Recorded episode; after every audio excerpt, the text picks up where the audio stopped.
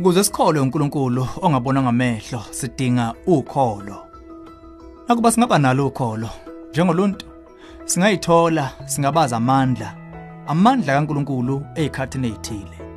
Ngicabanga kuzo zonke izikhathi zaphambilini maningi amaKristu abhekane nokungabaza hlehlehle iBhayibheli lesibala abaningi ababhekana nokungabaza namhlanje ohlelweni ezomndeni sifuna ukukhuthaza laba abazizwa bengafanelwe ngenxa yokushoda kokholo.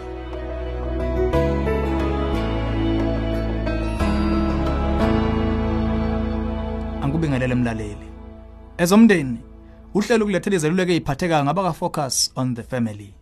Sithola umbuzo othinta inhliziyo kumlalo wethu obhale wathi ukuphi umehluko phakathi kongakholwa kunye nomuntu onombuzo othembekile ngoNkulunkulu ngiyakholelwa eBhayibhelini futhi ngiye ngitshele nabahlobo nomndeni ukuthi uNkulunkulu uyazenza imangaliso ngisho ukuvusa abafile imbala. Nokho uma seyishuba izinto ngikuthola kunzima ukuthemba inkosi. Nakuba ngibatshela abanye ukuthi bangathembela emseni wakhe nokho ngibhekana novalo kwesaba uma kufika izimo ezingahaqayo inzima. Akube lokho kuchaza ukuthi ngishodelwa ukholo uyebo noqha iqiniso ukuthi sonke sibuye sishodele ngokukholwa. Ukubeka ngokucacisayo ukholo kalisiyo into esivele sibe nayo nje kumbe singenayo. Kuuhambo kuyinto esikhulayo kuyo kumbe esiqalayo kuyo esinyukayo noma esehlayo kuyo. Usuku nosuku olufikayo kubandakanya ukwehla nokwenyuka ukunqoba nokuba phansi icilongo nokuphoxeka.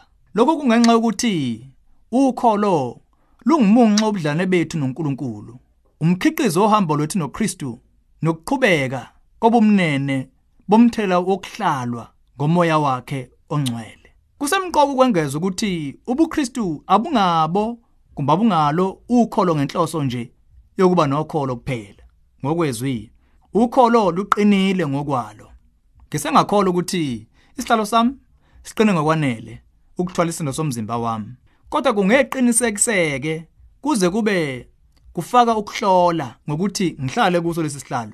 Okufanayo ke nokuthi nginokholo kuJesu Kristu eyinkosi nomsindisi ngenxa yokuthi ngiyakholelwa izimo ezifakazelekayo zokuthi unguNkulunkulu enyameni nokuthi ungicabangela okuhle kodwa enhliziyweni.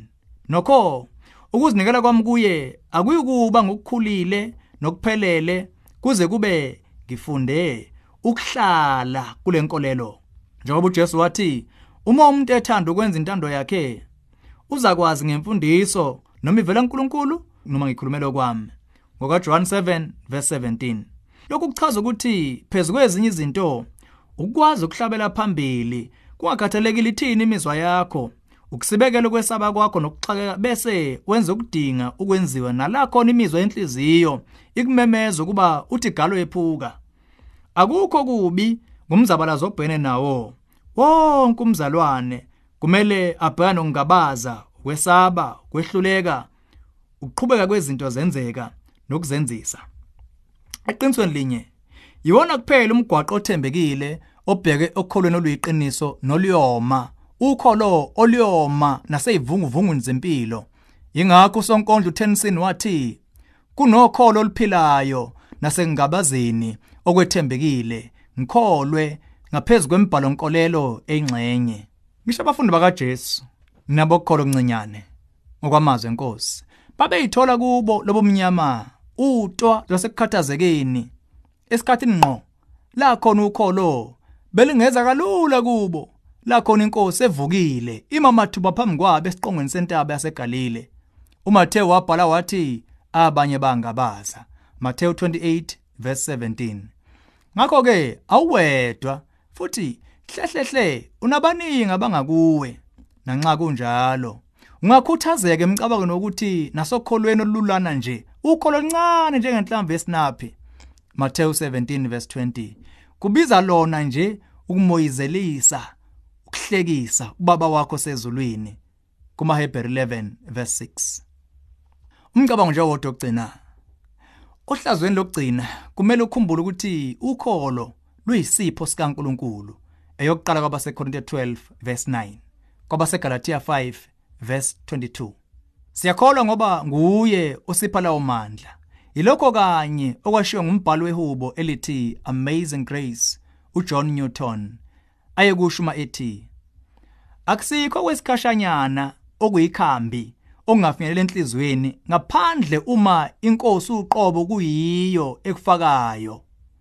Umhubi yena ukubeka ngalendlela ngokuba ukumthombo wokuphila.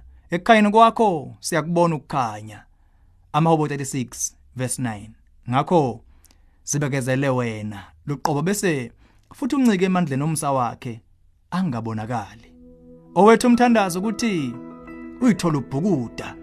Ezwini likaNkuluNkulu nokuthi ngesikhathi usakwenza lokhu bese ukholo lwakho luyakhula bese ungabazana lwakho lushabalale lolu hlelo ezomndeni ulethulelwe yifocus on the family sihlangabezwa hlelo luzayo sesihlabelisa phambili umndeni wakho.